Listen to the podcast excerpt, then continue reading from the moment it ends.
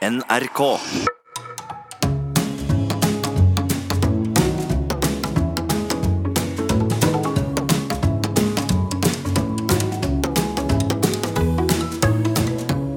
Hjertelig velkommen til Sånn er du med Nils Brenna Ja, det er meg, hei. og Harald Eia. Og i dag, Nils, har vi fått besøk av en eh, Frp-politiker som kommer fra Skogn i Nord-Trøndelag. Han har sittet 20 år på Stortinget, 30 år i politikken til sammen. Tidligere nestleder i Frp.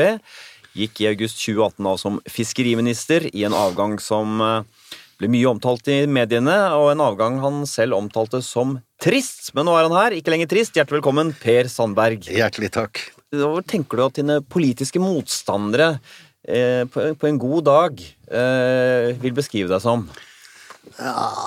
Kontroversiell, åpen, ærlig. For jeg har stilt noen eh, tidligere stortingskollegaer spørsmål om dette her på venstresiden, og de har sagt det som gikk inn, var rå, fandenivoldsk, ærlig. sånn som jeg oppfattet deg sånn fra sidelinjen, er jo at du er et menneske med hele registeret av menneskelige følelser. Eh, Du melder deg da inn i Fremskrittspartiet pga. alt regelrytteriet og motstand du opplever når du skal bygge et hus.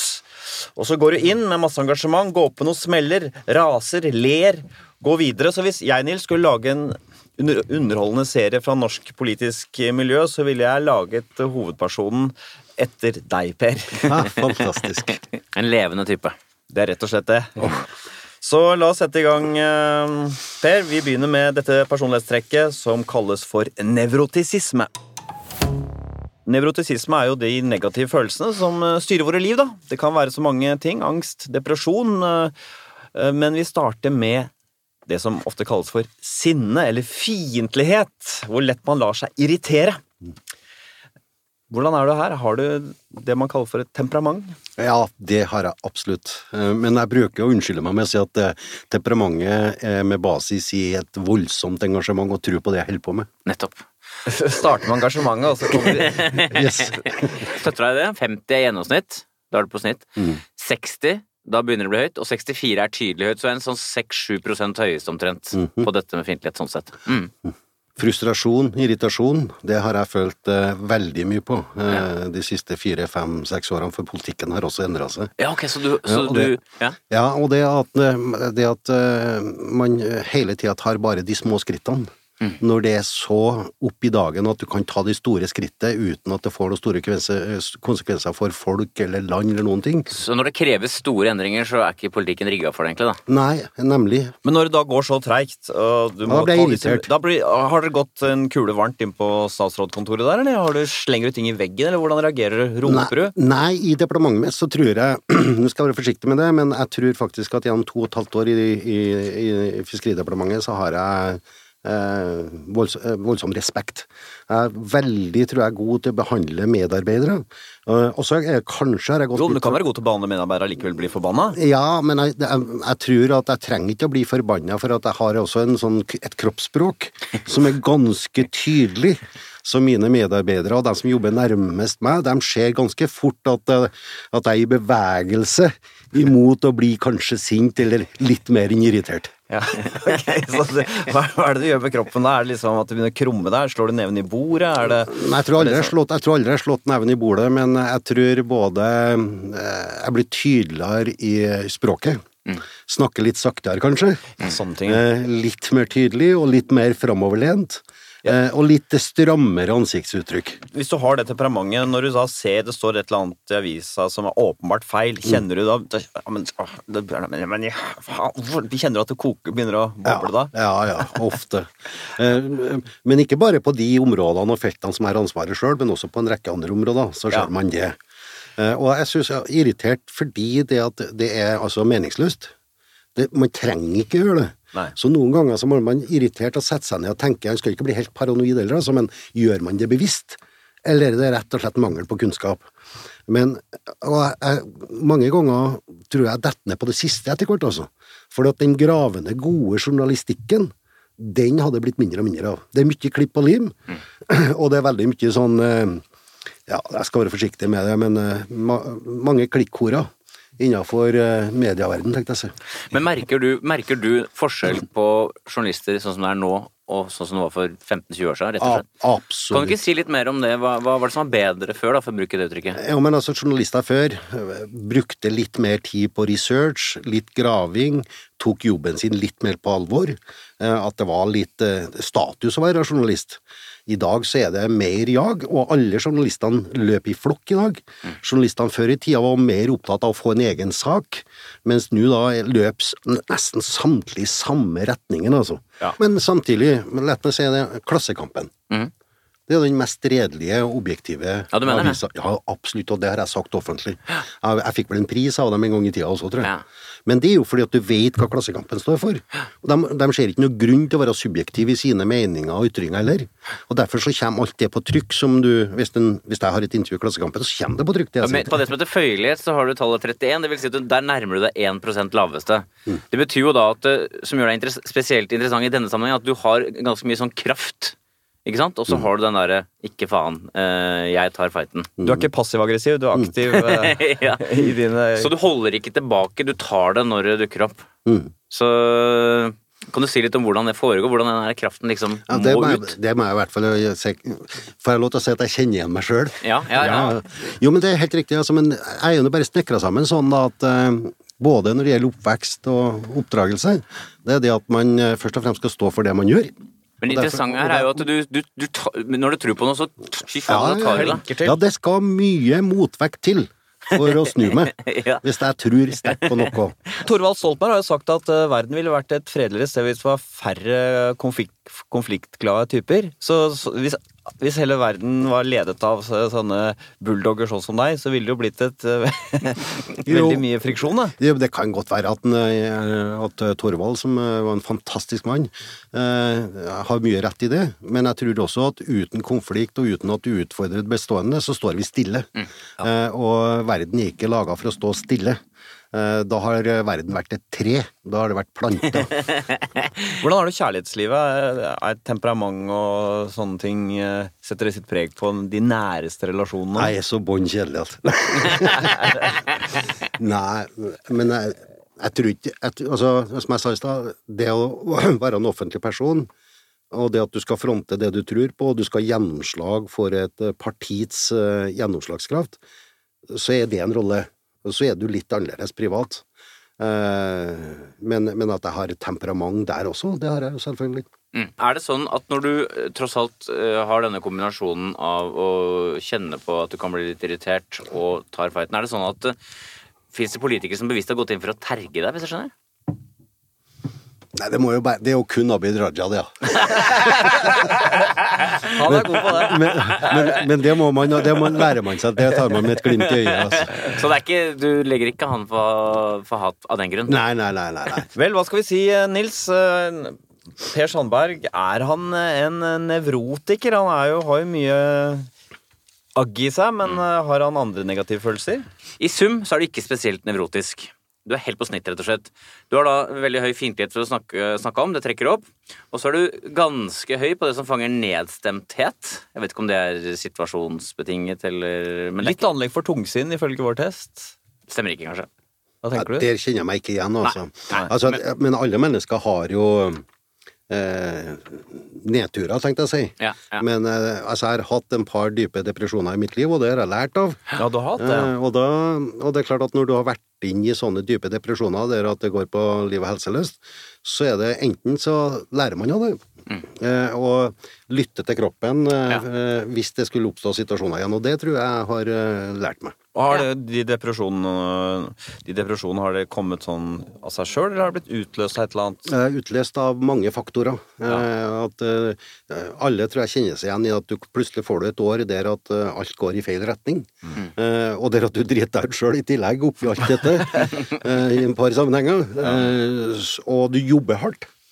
Jobber hardt, for det er det noe jeg har kjent på, så er det det at eh, når man jobber så mye som jeg har gjort, eh, og sover så lite som jeg har gjort, så med en gang du tar en feriedag eller ei, ei uke, så blir du sjuk. Ja, nettopp, for da roer systemet, og da slipper liksom Da er liksom kroppen prøver å slappe av, og så da forsvinner all motstandskraft kraft i forhold til det at du kan gå inn i denne type depresjoner, og det har jeg lært veldig mye av. Når du har jobba som mest, hvor mange timer i uka er det snakk om da for en toppolitiker? Nei, men altså, i, i, det, altså i, i, perioder så er det jo helt ekstremt. Du jobber 18-19 timer i døgnet, ikke sant? Såpass, ja. I helgene òg. Ja, ja. Det, altså, I hvert fall hvis du er en del av ledelsen i et parti i tillegg.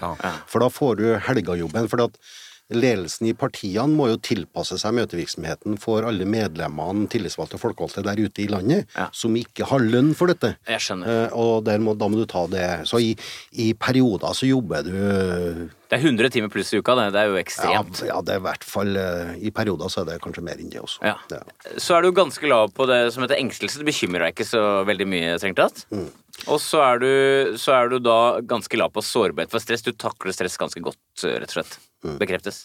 Ja, i hvert fall det siste. Eh, og det Jeg tror vi alle sammen har ulike måter å eh, møte det, det på. Jeg har min måte å gjøre det på. Altså, jeg har noen brytere der at jeg bare greier å koble helt ut. Altså sånn når det blåste i august og sånn, med den saken med Iran og den nye kjæresten din og sånn Det er åpenbart en veldig stressende situasjon, ikke minst fordi kjæresten din sikkert syns det var veldig ubehagelig, så du får den på toppen. Hvordan eh, sover du da? Hvordan håndterer du det?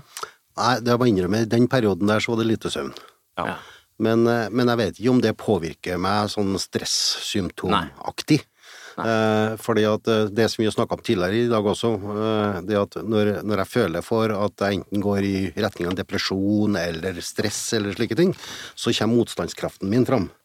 Og da tror jeg kroppen min har lært seg å produsere enda mer motstand Ja, okay. i forhold til verken å gå på en smell i forhold til stress eh, eh, eller depresjoner. Men Gjør du noe det bare- spesielt for det, eller bare merker du at du håndterer det litt sånn automatisk? Nei, jeg, det er jo ikke sånn at jeg står på soverommet og, og banker meg på brøstet og roper 'kom i gang' her, eller noe sånt. noe.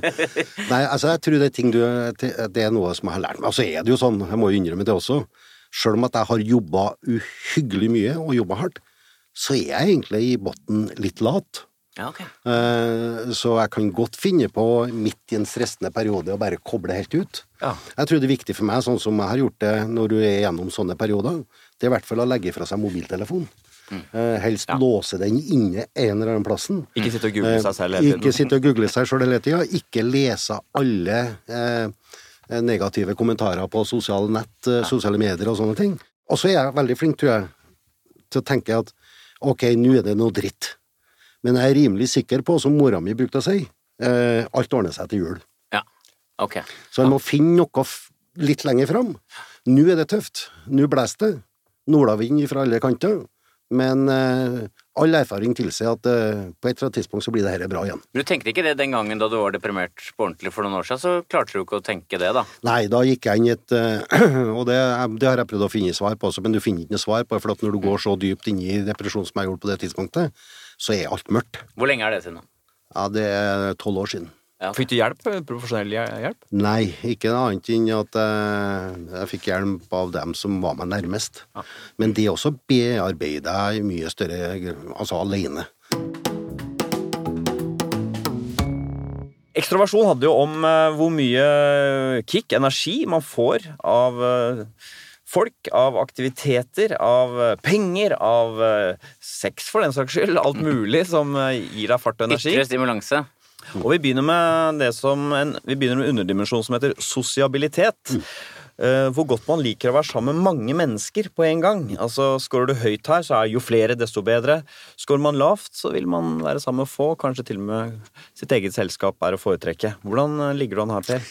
Eh, Det, det er lenge mellom at jeg sitter og ønsker meg å være deltaker i store forsamlinger og store sosiale sammenhenger. Ja. Eh, Jeg trives veldig godt eh, alene. Ikke helt alene, Ja. men eh, trives veldig godt med de små selskap. Og skal jeg innrømme noe i forhold til nervøsitet, nervøsitet og sånne ting. Eh, ikke det at jeg er asosial på noen slags måte, men det å ha en rolle eh, i store sosiale forsamlinger. ja, så du tror at tallet her er ganske lavt. Det er egentlig det du Det, sier. Det, jeg tipper at eh, tallet er lavt her. Det er også Jeg ble, jeg ble nesten litt overraska da jeg så det. Det er veldig lavt. Det er 29. Altså du er svært lav på sosialitet. Det hadde ikke jeg trodd. Nei, det bryter helt med mitt bilde, for jeg ser for deg du hei, og skål og hei og rop og skrik. Jeg har jo sett deg i noen sammenhenger stå etter et møte stå sammen med en del andre folk, og da står du og skravler og ler, og åpenbart en som ser ut som festens midtpunkt, da. Jo, men det det er forskjell på den delen av det sosiale samværet som er jobbrelatert, eh, og det som eh, går på ren sosial eh, nytelse, tenkte jeg å si. Ja. Eh, og det, det er sikkert mange som er veldig overraska over at jeg ikke er den som sitter eh, på nachspielet utover eh, på landsmøtene. Hva med sånne premierer og sånn? Ble sikkert invitert på det, å stå og mingle etterpå og prate med Nei, er veldig lite i forhold til dette også. Men hva er det som trekker ned ved store sosiale forsamlinger, tenker du? Det ene er det at jeg føler når du er en offentlig person, så, og i hvert fall sånn som det har vært for meg siden jeg, kom inn på Stortinget, så, har, så er jeg mett, okay. Jeg er mett av å få denne type oppmerksomhet gjennom jobben min og deltakelse på konferanser, jobb osv. Det har jeg jo registrert med, både på storting og i regjering. Eh, De aller, aller fleste er veldig opptatt av denne sosiale eh, sammenkomstene. Eh, enten det er for å bygge nettverk eller slike ting. Jeg har ikke hatt noe særlig behov for det, og derfor Kanskje er det heldig også, fordi at jeg har sagt Det er jo mange som er på konspirasjonsjakt og korrupsjonsjakt på politikere, og jeg har sagt at jeg har ikke noen venner, så det er ikke noe farlig med det. De finner ikke noe på meg likevel. Men har det vært en slags svakhet for deg også som politiker, at du ikke har hatt bygget de nett, uformelle nettverkene som har kunnet uh, ta deg imot? Ikke, ikke for meg personlig, for at eh, du har hele tida god samvittighet. Derfor har jeg ikke behov for å springe disse sosiale sammenkomstene, enten å påvirke andre eller å bli påvirka sjøl. Man snakker jo med Trond Giske for eksempel, at han har mm. et nettverk som passer på han, som jobber for hans sak hele tiden, ikke sant, i kulissene. Mens mangler du det litt fordi du ikke har drevet med den type nettverksbygging? Ja, man, man må gjerne si at jeg mangler det, men det er jo ikke noe jeg har savna. Eh, fordi at jeg har fått gjennomført eh, det jeg hadde tro på likevel. Altså, og så kommer vi i en situasjon, se situasjonen nå. Nå er alle politikere jakta på i forhold til type, denne type nettverk. Ja. Innsyn i kalender, innsyn i mail, innsyn i telefonlista di. Eh, hvilket bursdagsselskap var du i, hvem var du forlover for, osv. Det er hele tida en jakt på dette nå, og det brukes enormt med ressurser, både fra pressemedia for å jakte dette, og politikerne, enten i Stortinget, fylkesting eller i regjering, bruker enorme ressurser på å svare på alle disse innsynskravene som har kommet fra presse og media. Og poenget her er at du har ikke vært på disse festene? Er det det som er Jeg har vært på fester, men jeg har aldri vært på fester der at jeg har forlova meg på noen slags måte. Det gjør deg egentlig ikke så mye heller hvis du får vite at nå skal du ikke gå på fest på ganske god stund. Det gjør ikke, det gjør ikke deg noe, det. Det er Nei. ikke et savn hos deg. Nei. Per eh, Sandberg, er han en ekstrovert eh, type, Nils? Jeg har lyst til å spørre deg, Per, Ja. tenker du på deg selv som ekstrovert? Om jeg er over gjennomsnitt under, det vet jeg. Det Nei. tør jeg ikke La oss, la oss ta det. Altså, du er teknisk sett introvert. Du har fått tallet 43. Du er litt på undersiden, faktisk. Mhm. Eh, Det tenker man kanskje ikke på når man ser deg. Du er da ganske høy på selvmarkering. Du er jo ofte tydelig til stede. Eh, og så er du da mm, ganske høy på det som heter aktivitet. Du er ganske energisk. Høyt livstempo. Det trekker opp. Eh, og så er det på snitt når det gjelder positive følelser. Du har like mye indre glede som et gjennomsnittsmenneske. Og så har du da denne lave scoren på sosialitet. Du er ikke så sosial som mange sikkert tror. Ikke sant? Den trekker veldig ned. Og så har du en, en, noe som heter ekstrovert varme, som eh, er ikke så lav som det sosiale, men du er du kan nok oppleves som litt reservert av noen. Kan det stemme? Ja, det, det tror jeg helt sikkert. Ja, for det der har jeg lyst til å si, fordi at eh, jeg, jeg så deg på et sånt TV-program en gang på TV2, hvor du skulle følge en politiker skulle følge opp en rusmisbruker, en narkoman. Og da ble, da ble hva skal jeg si, veldig imponert egentlig, og litt sjarmert av måten du gikk inn og tok tak i den karen på. Det virka egentlig veldig sånn inderlig og lite reservert, altså, som jeg tolka det. Så jeg veit ikke om du kan si noe om det derre spennet mellom å være reservert og inderlig, hvis du skjønner hva jeg mener? Men det er klart at når jeg går inn for noe, så har jeg veldig følelser.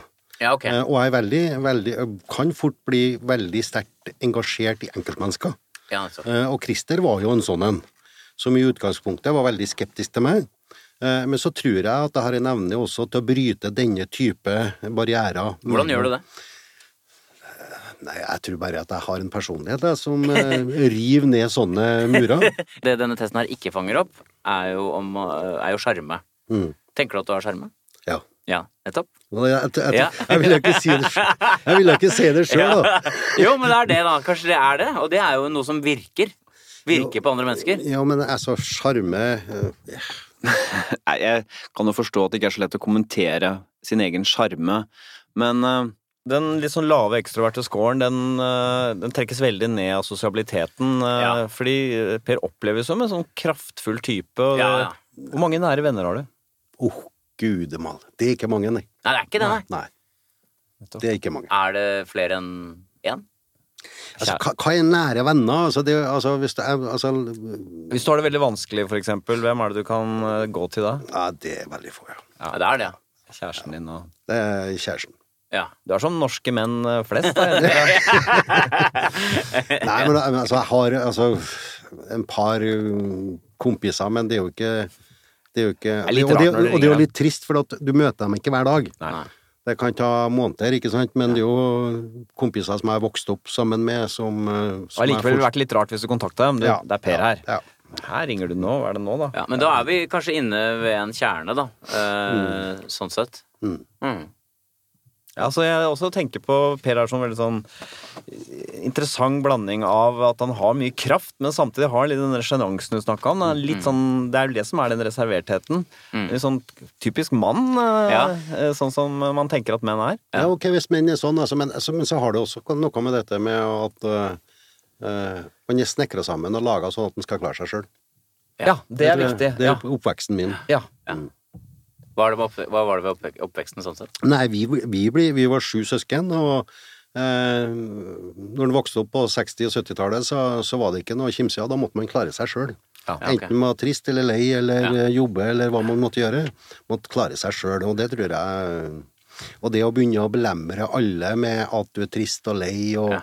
eh, går inn i depresjoner, er syk og sånne ting, det Da bare flytter du den eh, over på andre skuldre også. Det er mye, bedre, mye bedre å bære det på egne skuldre. Jeg skjønner. Du hører på Sånn er du på NRK P2. Dagens gjest Per Sandberg. Planmessighet handler om struktur, orden, evnen til å stå i det kjedelige, gjennomføre. Du nevnte jo at du har vært litt eh, Du nevnte jo at du er litt lat eh, innerst inne, men eh, det kan vi fange opp her, Nils. Vi begynner med en underdimensjon som heter orden. Om man er metodisk, strukturert, ryddig. Er du en uh, fyr som har orden i sysakene? Jeg vil, jeg vil si så Altså Jeg har vel med gjentatte perioder fått eh, beskjed om at jeg er litt for strukturert. Ja. Eh, litt for mye disiplin. Så jeg tror nok jeg scorer rimelig høyt der. Altså. er, du, kan, du kan sløyfe rimelig. Du scorer svært høyt. Akkurat, ja. Mm, 71 på orden innenfor 1% høyeste. akkurat. Nei, jeg er veldig strukturert. Jeg vil Alt skal være ryddig og for jeg, Hjemme, altså, eller? Hjemme, på jobb, i, altså, i alle sammenhenger. For at jeg jeg er også laga sånn at ting skal være effektivt. Og jeg bruker å si at å stå i kø, for eksempel, er så bortkasta. Leter jeg etter nøkler, altså. Å, gud bevare meg, kast bort tid på det. Men du har ikke mista mine nøkler, antageligvis? sånn- Du, du mistet mye nøkler, antageligvis? Aldri. du har ikke det, Så, det, så, så, så dette med eh, Ja. Eh, og, og av mine nærmeste så har jeg fått hørt det at jeg Altså, jeg, Og det innrømmer jeg. Eh, jeg har kanskje litt for mye. For at det, det, det setter en belastning, også en utfordring, på dem som er deg nærmest. Det er helt riktig. At du, at, du, at du er så disiplinert, og at du er ryddig, og ja. Hva er det merker det på hjemme hos deg? Hva, kan du ikke ta oss gjennom litt sånn, hva er dine ryddige ting? Hva er det man merker det på? Struktur og ryddighet? Alt skal tilbake dit eh, det var henta. Eh, ting skal ikke ligge på benken. Nei. Eh, kjøkkenet er for å lage mat. Eh, nøkler skal henges på plass. Altså dette med lete etter ting, det er så bortkasta. Klær er det, har du bunker med inni skapet Altså, jeg, eller på er vaskerommet? jeg har ja. Har du det? Ja. Du har det? Ja. Er det ikke litt, jeg synes dette var litt, Tror du ikke at noen kanskje tror at du muligens er litt sånn Ikke surrete, men ikke er sånn type? Det er nesten sånn pertentlig trekk. Nei, men jeg, det, det kan være at eh, mange som har sagt til meg at dette er for mye, så kan det hende at jeg har et sykelig trekk i forhold til det. da. Det er ikke sikkert du har, men du har i hvert fall høy, da. høy score. Det er ikke et nevrotisk trekk. Nei, eh, nei, nei. Det verste jeg vet, er å drive på med eh, kommunikasjonsutstyr, og så ikke, ikke det funker, for eksempel. Ja. Det irriterer meg noe grenseløst noen ganger. Ja, for du har temperamentet der også, selvfølgelig. Så, Er det sånn som har sånn to do-lister og sånn, eller? absolutt. Du har det? Ja, ja, det. ja, ja. Jeg, ja. altså, jeg våkner om natta og har en notisblokk på nattbordet og Ja. skriver klart og tydelig at eh, jeg kan våkne med å si at i morgen må jeg gjøre det, klokka det og det, og da skriver jeg det ned. Ja, Ja, du gjør det. og da gjør du det. Og så stryker du ut når du har gjort det. Helt riktig. Har du Bruker du handlelapp på butikken? Ja. Skal du se, skal du se handlelappen? Jeg har med meg handlelapp her. Ja, det gjør, for det er gjennomført på disse tingene, rett og slett. Du er en strukturert type. Veldig Er det sånn at du liker å re... En ting er ryddig, men hva med renslig, holdt jeg på å si? Eh, hjemme? Ja, det er jeg ekstremt opptatt av. Ja, du er det? Ja. Av vasking? Ja. Vasker du sjøl, eller? Ja.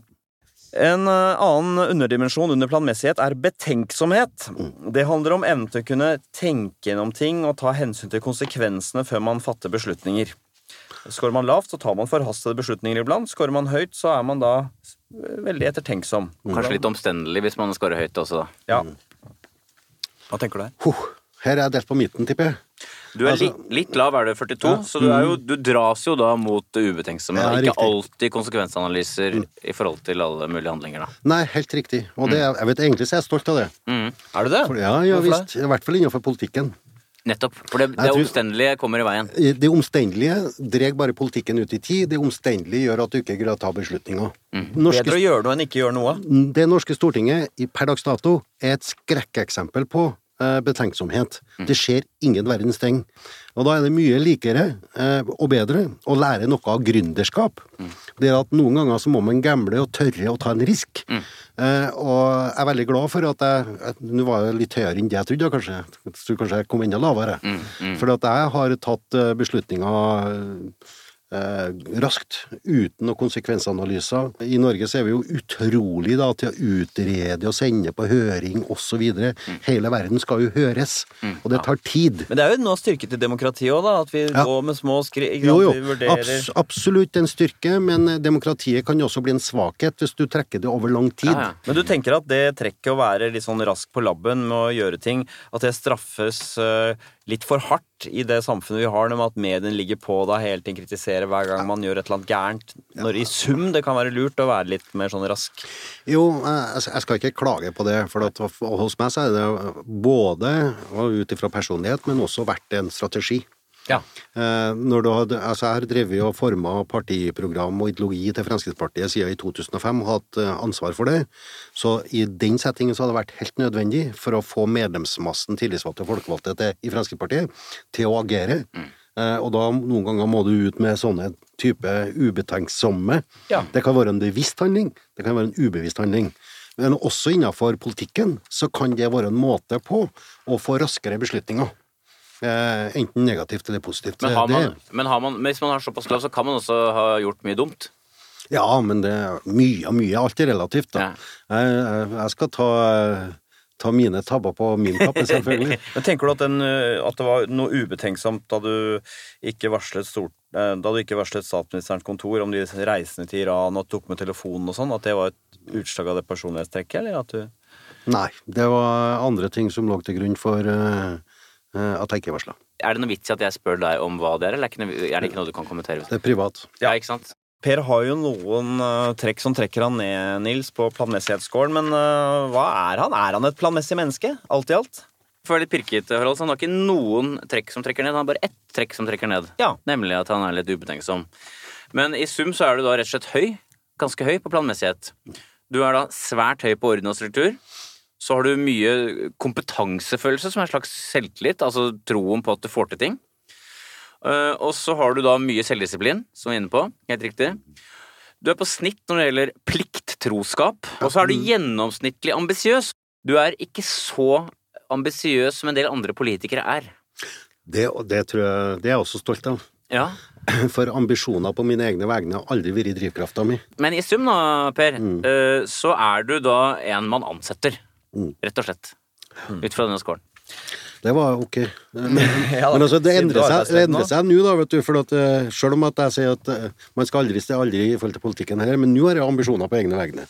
Ja, og hva er det Ja, nå altså, er jeg ute av politikken, og da skal jeg se hvorvidt jeg lykkes eh, eh, på andre felt. Er det sånn at du skal vise dem?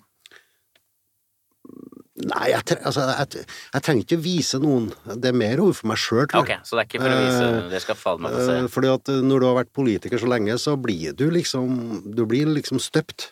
Ja, fordi det må jo være litt skummelt. Du er, som, du er som et dyr som har funnet en uh, nisje i naturen, og så gjør du det veldig bra der, men og vil du overleve en annen Ja, økologisk uh... Helt riktig. Det var god sammenligning.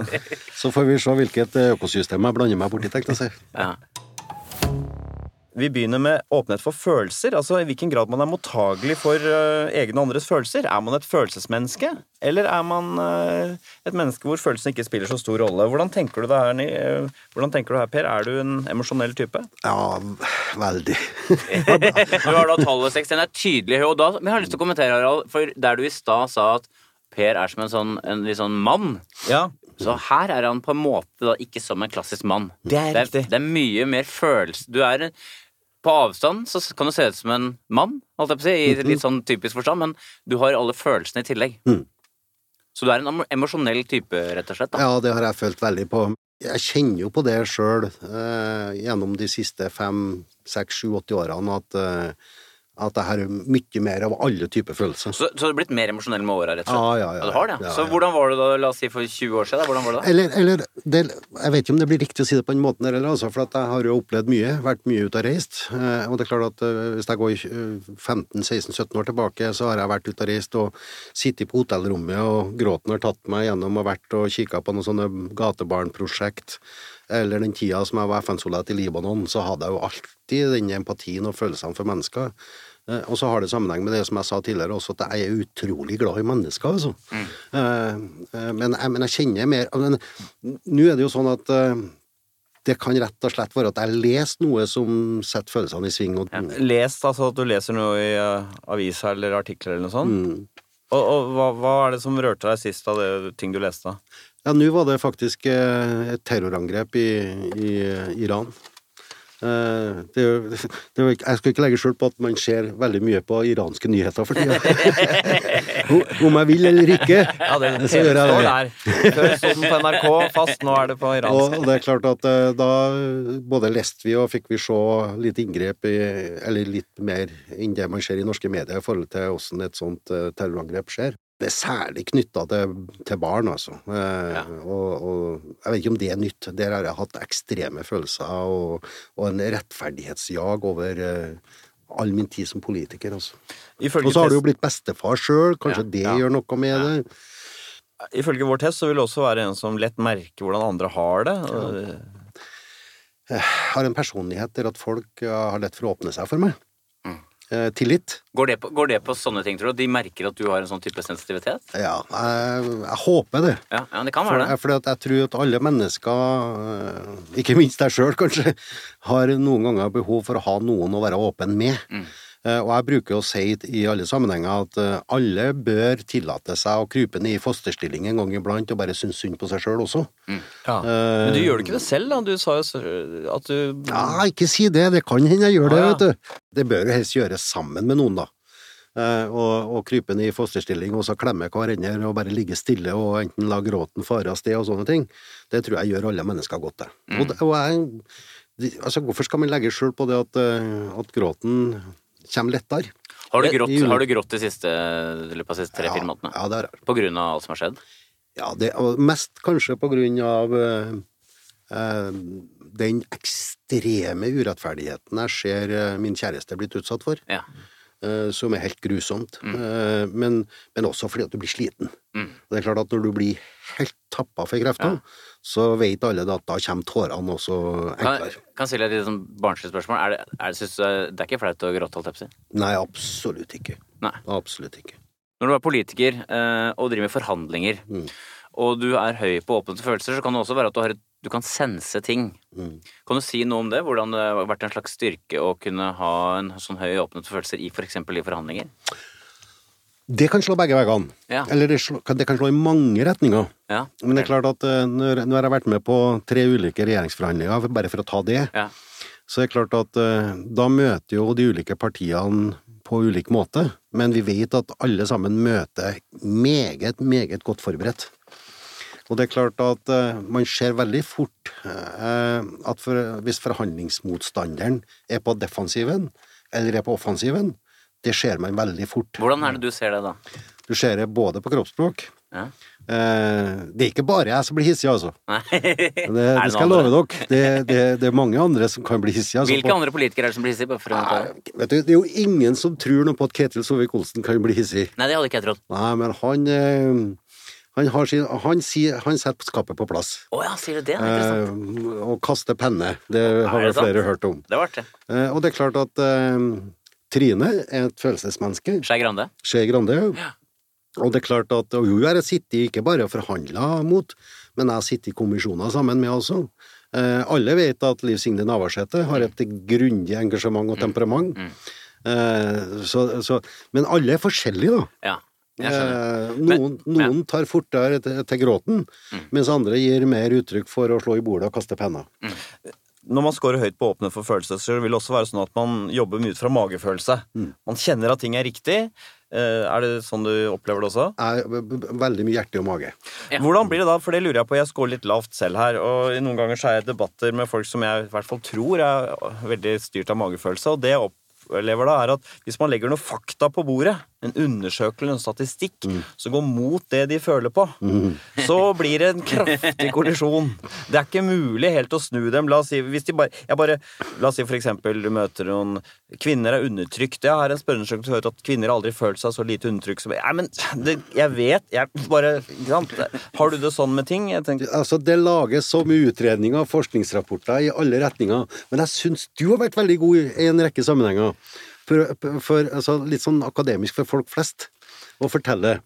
Men altså, jeg legger veldig sjelden til grunn forskningsrapporter, utredninger, statistikk og slike ting for å nå gjennom med mine argumenter, enten i forhandlinger eller debatter. Men vel, hvis du mener et eller annet sterkt, for eksempel, nå vet jeg ikke om du mener det, men la oss si det, ikke er klimaendring ikke er menneskeskapt, og så er det noen som legger noen fakta på bordet. Vil du, ha vil du rikke deg en millimeter av, eller har du opplevd det, eller bare kjenner du at du kjenner at du har rett? At de, Og, og jo, ja, og jo, nei, ja, akkurat. Nei, altså, både som fiskeriminister, eh, så går du inn med det med lite kunnskap, eh, og så har du, som jeg sier, jeg grunnleggende tro på åssen struktur og utforminga av norsk fiskeripolitikk skal være. Det gjør du når du går inn i dette. Ja.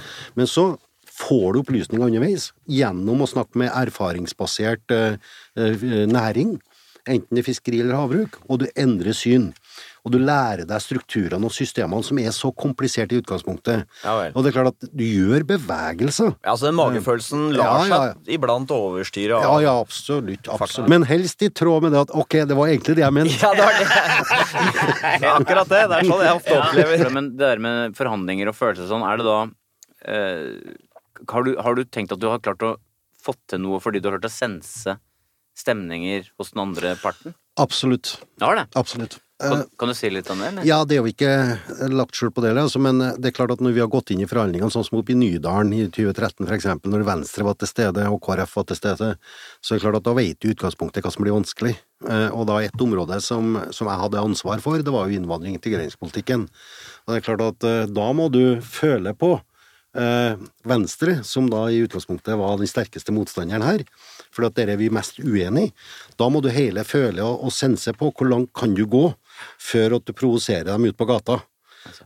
og, og det Jeg tror at det Venstre og Frp fikk til oppe i Nydalen, og nå under siste forhandlingene, når, før eh, Venstre gikk inn i regjering, det er utrolig hva de to partiene har fått til med det eh, utrolige utgangspunktet man hadde. Så satt på spissen, så var den åpne og følelsen, den sensitiviteten som du hadde der, det var en klar styrke i de Ja, forhandlingene. Absolutt. File det til. Absolutt. Absolutt. Og der gikk vi mange runder også, da.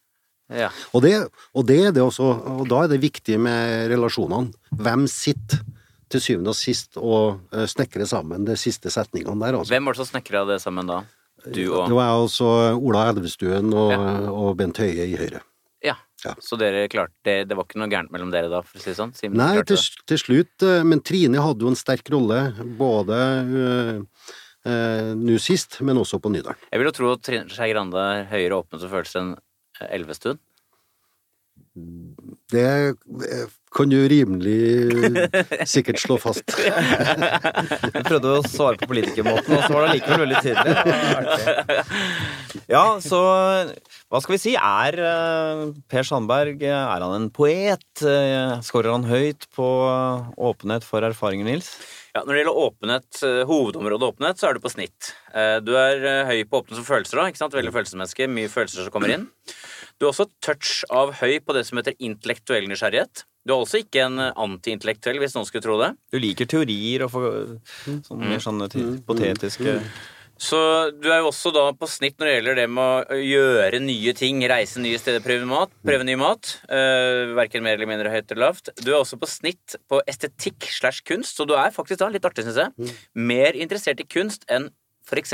SV-leder Audun Lysbakken. Ja, Men det, Det- overrasker meg ikke helt. Det er- gjør ikke det.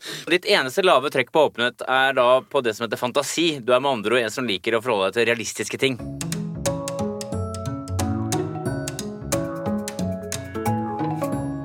Medmenneskelighet handler jo om eh, samarbeidsvilje, medfølelse, hjelpsomhet. eh, Og i hvilken grad man fremover seg selv eh, fremfor andre også. Men vi begynner, et, eh, vi begynner med en underdimensjon som heter altruisme. I hvilken grad man eh, viser da genuin omsorg for andre. Skårer man lavt, så unngår man å bli involvert i andre menneskers problemer. Og skårer man eh, høyt, så har man et genuint ønske om å hjelpe andre mennesker. Hvordan tenker du her? Er du en altruistisk type, altså motsatt av egoist? Jeg har alltid stilt opp, og har alltid hatt et engasjement for å hjelpe, bistå, i alle sammenhenger. Ja, det, det, det er noe som det har vært drivkrafta mi. Ja, Du er ganske høy på altruisme, rett og slett. Så du er en hjelpsom type. da. Hvordan er denne eh, hjelpsomheten arter seg? Det er, men, først og fremst litt avhengig av medmenneskene, da, om man vil. Men altså, jeg har vært i mange settinger, eh, uten å nevne navn og, og, og hvilken setting, der at mennesker har kommet til meg og betrodd seg med vanskeligheter. Ja. Men Er det sånn som tar i et tak òg, eller er det noen skal flytte? Eller? Åh, ja. Litt mindre av det, men nei, nå har jeg flytta mye. Men, Men altså, men jeg ja. klarer jo, men altså, Ja. dugnad er jeg veldig godt kjent med. Ja, du er det. Ja. Eh, eh, så Men det er jo mange av dine politiske motstandere, kanskje ikke sånn på stortingsnivå, men av de som hører på, som eh, vil si at eh, kan virkelig Per Sandberg være en omsorgsfull type, all den tid du har vært såpass hard mot uh, innvandring og en del sånne ting? Kan du si litt om det? Jo, men eh, dere der eh, Og det er min det kan, Jeg vet ikke om det er riktig å si det feil, men det bygges en image. Jeg tror at i alle sammenhenger der at jeg har hatt ansvaret for innvandring, integreringspolitikk og denne type ting, så har det vært politikkstruktur. Mm. Eh, Jeg tror aldri noensinne noen har sett eller hørt meg angripe mennesket. Nei. Men det har handla om struktur. Struktur, da mener du regler for hvem som skal komme Lover, hit? regler, lover? reguleringer. Ja, altså. Eh, og jeg vet jo det at jeg fikk jo omfattende kritikk av mine egne Jeg tror det var et holmgang, et holmgang på, på 2000-tallet. Der at jeg er jo liberalist. Og i utgangspunktet så kan man gjerne ha fri innvandring. Mm. Det ligger jo i liberalisten sin, mm. sin eh, ideologi. Ja, ikke ha noen grenser og Ikke noen grenser, men det er klart at så har vi da et velferdssamfunn og en velferdsstat som gjør at du er nødt til å regulere, og derfor så må også en liberalist da fravike, eller liberalisten må velge. Skal vi beholde velferdsstaten, eller skal vi ha fri innvandring? Mm. For det går ikke i lag. Nettopp. Med fri innvandring og med den velferdsstaten vi har i dag, så ville staten Norge gått konkurs. Men når du ser sånne saker, eh, barn som blir sendt tilbake, som har hatt sitt hele liv her i Norge, og sånn, ja. lokalsamfunnet engasjerer seg, det gjør vondt. Det gjør uhyggelig vondt. Men ja, så prøver man å lete etter forklaringer, og det er politisk udugelighet som er ansvaret for at man må gjøre slike brutale Si litt kort om det. Hva... Jo, det er jo fordi at eh, politikerne har laga strukturer som gjør det at man gir mennesker og barn forhåpninger å Ja. bli i Norge, gjennom å ikke tørre å ta beslutninger. Altså det at folk har bodd i Norge seks, sju, åtte, ni, ti år, eh, snakker ren dialekt, er bestemann på småguttelaget nede i Sogn og Fjordane, eller noe sånt noe. Det er jo politikerne som har laga strukturer som gjør at dette kan treneres og treneres og treneres, uten å skjære igjennom eh, eh, og ta de beslutningene om å sende ut raskt. Men det er politisk udugelighet som lager denne type strukturer som er årsaken til det. Men at det er ondt, ja. En eh, annen underdimensjon under eh, medmenneskelighet er rettfremhet. Eh, Det vil jo være sånn, da, at scorer du høyt, så er du oppriktig. Da er du direkte og tydelig. Spiller ikke med skjulte kort. Hvis ikke jeg scorer kjempehøyt på direkthet, eh, rett framhet så vil det overraske meg enormt. Ja, du er, eh, du er på godt opp på 60-tallet. Du er tydelig høy på dette. Det ville vært en, et sjokk hvis Ja. du ikke var det. Ja, takk. Så du er altså ingen taktiker. eh, Det er ikke noe forskjell på det. Eh, Men jeg avslører jo ikke taktikken, sjøl om jeg er tydelig. Nei. Nei, det er en nyanse der, ja. Ja. Da var det den T-skjorta som provoserte så mange som du hadde på deg. Good journey. Ja. Ja. God reise. God reise. Ja. Og da ble det oppfattet som Det var oppfatta som at jeg bevisst hadde hatt på meg denne T-skjorta for å rett og slett eh, mobbe alle disse menneskene som drukner i Middelhavet. Ja, og kan du ikke bare for, forklare hva, hva, hva, hva, hva er sannheten her? Nei, det, er- for det første så er det helt riktig at det var en tilfeldig T-skjorte som jeg valgte øverst av den som Når du har brettekant, Ja. sant, så tar du ikke den nederste, du tar den øverste hele Ja, tida. ja. For da i neste runde, når du har vaska nytt, så legger du dem underst. Ja, ja. Ja, det er sånn du gjør Sånn at du hele, hele tida rullerer på riktig måte. Ja, Dette må de lære dere. Hvis Ja. ikke så blir det det samme håndkleet du vasker hele tida, ikke sant? ja. ja. Ja, så Akkurat må, sånn er det i mitt liv. du må rullere hele tida. Dette var et tilfelle T-skjorte som jeg tror jeg kjøpte i Thailand, faktisk. Jeg tror jeg kjøpte fire av dem også. Du likte den så godt. Ja, det var, det var jo veldig billig, i hvert fall. Jeg kjøpte den på et marked der. Eh, og det, altså, men så har jeg tenkt på det hele altså, det, var, måtte jo være, det var bare én person som fant ut eh, at dette var en provokasjon. Så noen hadde jo lett etter den provokasjonen. Ingen på landsmøtet. Ketil Sovik-Olsen, Siv Jensen satt på første benk sammen med Jeg var på talerstolen en tre-fire ganger med denne T-skjorta. Ingen reaksjoner før eh, eh, en eller annen person fant ut at dette skal man grave i.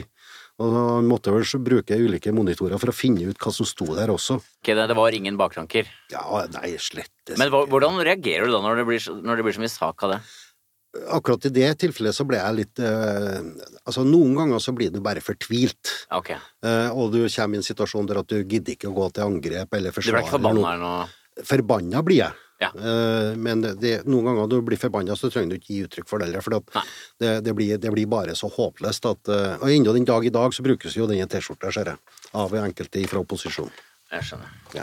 Ifølge pensum så vil folk med så høy score som deg på dette trekket rettfremhet eh, kunne oppleve følgende problem. Deres oppriktighet kan skape problemer i situasjoner der det forventes å forhandle ettersom de kan uttrykke følelser og holdninger med overdreven besluttsomhet.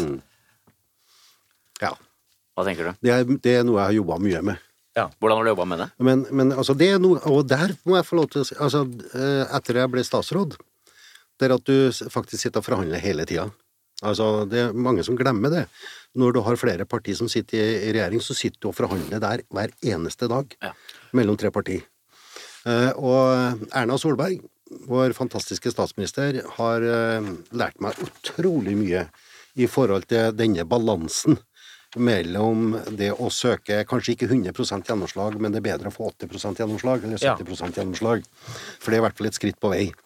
Så, men der har jeg nok eh, sannsynligvis gått på noen politiske tap. Ja, ok, du har det. Eh, eller i hvert fall forsenka gjennomslaget gjennom det at jeg har vært eh, kanskje litt for direkte. Det å sitte i det kollegiet sammen eh, med Erna eh, Jeg fatter ikke å begripe at Erna og i tillegg kommer fra Hordaland og Bergen, har denne type kapasitet. Eh, Det er helt grenseløst. Det er Hva, noen gang-? Si mer Noen ganger så er det nesten skremmende, for at, eh, holdt på å si, hun vet alt. Oh, ja, sier du det? Hun ser alt, hun kan alt. Er det sant? og, og, eh, og har en Og midt oppi dette så skulle man kanskje tro at hun ville score veldig lavt på det sosiale, Mm. men samtidig så har hun det også oppi alt dette. Ja. Eh, vi har, eh, ikke en eneste gang mens jeg satt i regjering, så opplevde jeg det at vi kom til en situasjon der at eh, vi nødt, var nødt til å votere, rett og slett. Eh, hun sydde oss fram eh, til kompromiss, eh, og de aller fleste meget fornuftige. Så hun er veldig imponerende, egentlig? Ja, jeg, jeg, jeg kan ikke få rost Erna nok jeg, i forhold til Og så er det mange som kanskje tror at jeg har noen agenda med det, men, men jeg er bånn ærlig på det. Mm. Hadde, hadde Erna vært elendig, så har jeg sagt det også, selvfølgelig. Ja. så er det en veldig interessant underdimensjon under medmenneskelighet, og det er tillit. I hvilken grad man stoler på andre mennesker, om man oppfatter andre menneskers hensikter som ekte og ærlige, eller om man tenker at andre mennesker de har en eller annen agenda, Hva tenker du her, Per? Er du en tillitsfull type? Nei. Nei, det var et kontant nei, og det var det grunn til med denne scoren. 23, svært lavt. Det går bare ned til 20, så Akkurat, ja. fortell om hva er det som er Innenfor politikken så vet du at de som sitter på andre sida av bordet, de har en annen agenda. Ja, og det er jo Eh, greit. Så Men det, er jo, men det er jo mange mennesker som har vært samfunnsengasjert, og som har mye høyere score på tillit enn eh, Er det sånn at du alltid har hatt det litt sånn? At du Ja. Ja. Ja, det, jo, nei, ikke- altså Det har forsterka seg gjennom tida i politikken. Ja. Og det har forsterka seg gjennom også det at politikken har endra seg, Stortinget har endra seg. Eh, Det har forsterka seg gjennom det også at eh, du har flere møtepunkter. Så du skal bygge tillit til enda flere. Eh, Og når du har så lite tillit i utgangspunktet, så er det litt mindre å dele også på Mm. alle disse. Så det har forsterka seg. Men hele, hele vårt eh, system, velferdsstaten, er jo basert på at vi stoler på Mm. Ja, hverandre, at ja. alle yter og Ja. Uh, nei, altså jeg må jeg, jeg kan jo bare innrømme at jeg burde jo kanskje bygd opp litt uh, sterkere tillitsbånd til flere. Men tenker du, hva tenker du om hva skal vi si, folk flest? Har du tillit til folk flest? Hvis en leser sosiale medier i disse tider Så du, Med sånn lav score så kunne man tenke seg at du eksempel ikke liker ros. Har du, synes, tenker du at når folk roser, så er de ute etter noe? Ja, jeg har ikke behov for ros. Du har ikke det, nei? Nei. Men jeg skal være forsiktig. Alle har behov for det en gang Litt, iblant. Ja. Men tenker du at folk, når folk roser, så er de ute etter noe? I mange sammenhenger så kan det være det. Ja. Jeg tenker, og Nå er det mulig jeg beveger meg utenfor mitt kompetanseområde, men det var en del i mediene som spekulerte i forbindelse med den Iran-saken og kjæresten at du hadde på en måte blitt lurt av den iranske stat, og at du var naiv. Mm. Um, ifølge vår skål, da, så er du da veldig lite naiv, men du, er, eh, du er ikke naiv, ifølge enheten her. Nei, jeg, og det, men det var vel det Det er vel en av alle de argumentene som er brukt, eller påstandene som har kommet nå siden 13. Eller de siste fire-fem månedene, faktisk. Som jeg kan sette meg ned og så le litt av, da. Ja, for, Eh, ja. Og påstå at jeg er naiv, for da Men altså, dette med tillit eh, det, det, For meg så må jeg bare innrømme at det kan være en utfordring, og jeg burde kanskje jobba noe mer med det. ja. Du har tenkt det. Ja. I sum skal du litt under eh, snittet på medmenneskelighet, eller omgjengelighet, da, som noen kaller det. Det er ikke veldig lavt, altså. Det er rett under normalområdet. Men du er da veldig, veldig lav på tillit. Trekker øh, mye ned. Og så er du også veldig lav på det vi snakka om tidligere, føyelighet. Den ligger her. Mm. Ikke sant? Så du, du, er, du, tar, du er skeptisk, og så tar du skikkelig fighten. Og så er du da meget høy på det som heter rett fremhet, og det som kanskje noen opplever som hva skal jeg si, litt sånn ubehagelig at noen er så direkte, det er strengt tatt et medmenneskelig trekk, for da veit man hvor man har vedkommende. Ikke sant? Og så har du jo dette med høy beskjedenhet som gjør at du ikke er selvgod, det trekker også opp. Så er det en, en liten ting som er fanget opp her, som jeg tenkte skulle høre med deg om, fordi det, virker, det kan virke som om testen har plukket opp at du, når det gjelder empati, så går det en slags grense for ting. Ja, empatien er jo ikke grenseløs. Nei, ikke sant? Så det, Eh, Så du er en hjelpsom og empatisk fyr, men inntil en viss grense. ja, mange har også satt seg i en situasjon. Eh, Sjølgjort, rett og slett. Eh, og da liksom å få barmhjertighet eller sympati eller støtte i en sånn situasjon er vanskeligere. Da er det vanskeligere å gi empati. Nettopp. Eh, så det, der tror jeg nok at jeg er ganske prinsippfast. Ikke sant? At det går en grense. Og det er det jeg mener. Så det at man, vet du hva, nå må du høre her, du gjorde sånn og sånn, da Driver du med fjellklatring eller paragliding og ekstremsport, eh, og ikke, ikke greier å håndtere det, så skal du ikke rope på resten av samfunnet for å få bistand, altså. Nei, men vi henter dem ned likevel. Ja, vi gjør det, sånn. Vi gjør det, vet du. Ja, ja. Da mener du kanskje at de får vente litt. Ja, da enten det, så må de få tegne seg gedigen forsikring da, som betaler for disse ja, det er akkurat det. Vel, eh, vi har gått gjennom fem eh, personlighetsdimensjoner. Nå er det på tide å oppsummere hvem Per Sandberg egentlig er. Vi begynte jo med, Nils, eh, med det inntrykket vi hadde av Per som en fyr som hadde hele registeret av menneskelige følelser, og vi har vel slått fast at det ikke var helt tatt ut av løsluften. Nei, det har fått betydelig støtte for, synes jeg. Du har noen, du har noen kraftige gasspedaler. Du kan bli sint, eller engasjert, da, som du kaller det. som gjør at du involverer deg mye, og fordi du er ganske selvmarkerende av deg, så vender du ikke dette engasjementet innover. Du lar det sprute ut. Eh, og så forsterkes det at du er så åpen for følelser. Du er en emosjonell type, som da gjør at eh, du går inn med fynn og klem når du har klokkertro på ting. Og så er du en eh, hjelpsom, person. Ja. Skårer høyt på altruisme. eh, Med, men den har en grense, da, som vi har funnet fastslå. Ja. Med den empatien som ikke er helt grenseløs. Og noe av hemmeligheten eh, bak suksessen er jo denne orden. eh, Ja. Som også har medført at du tar på deg feil T-skjorte iblant, riktignok. og det som skaper rabalder, noe av det, er jo denne lave betenksomheten. Mm. Mm, Du farer i vei. eh, Du er såpass rett fram at du Ja, du sier det du mener, og da skjer jo ting, da. Mm. Så jantelov er ikke ditt største problem, Per. Nei. Og så er det jo gøy, fordi du er jo på en måte uh, FrPs sjel. Du er, du er forbanna. Du sier det som det er, og du tar kampen. Akkurat nå så føler jeg, rimelig, føler jeg meg rimelig trygg på at uh, uh, den analysen og konklusjonen dere har dratt, det, det var kanskje riktig av meg å være ubetenksom når jeg svarte på denne testen. Ja, for det føler at og du har bare ta det på direkten. Ja, for du tenker at det, eller føler da, i det tilfellet, at vi har truffet eh, godt her? Jeg kjenner meg, kjenner meg rimelig godt igjen, jeg, som jeg gjør Ja. det. Hvem i Andeby ligner du mest på? Kom igjen, da. Du vet det. Ja, ja, det, det, det er Petter Smart. Nei, en frustrert oppfinner. Er det ikke hovedpersonen sjøl, da? Tenk Tenker på Donald Duck? Ja, Donald, men med orden i sysakene, tenker jeg. Ja, sånn, ja. Ja, ja selvfølgelig. Ja, Guri meg. Ja, Er du enig? ja da. Ok, greit. Ellers så er det jo, må jeg si at det mest overraskende i dag er jo at uh, Ketil Solvik-Olsen kaster kulepenner. Det hadde jeg, hadde jeg faktisk ikke trodd. At, og jeg, hvis jeg ikke husker feil, så var det Børge Brende som ble truffet opp ennå, men eh, Så vi kan se på bildene om igjen og se om det kanskje var et lite merke i fjeset på Brende. Du, Takk for at du kom, Per. Takk for at du delte med oss alt ditt indre liv. Og lykke til videre med alt ditt. takk skal du ha. Det var hyggelig å være der. Takk.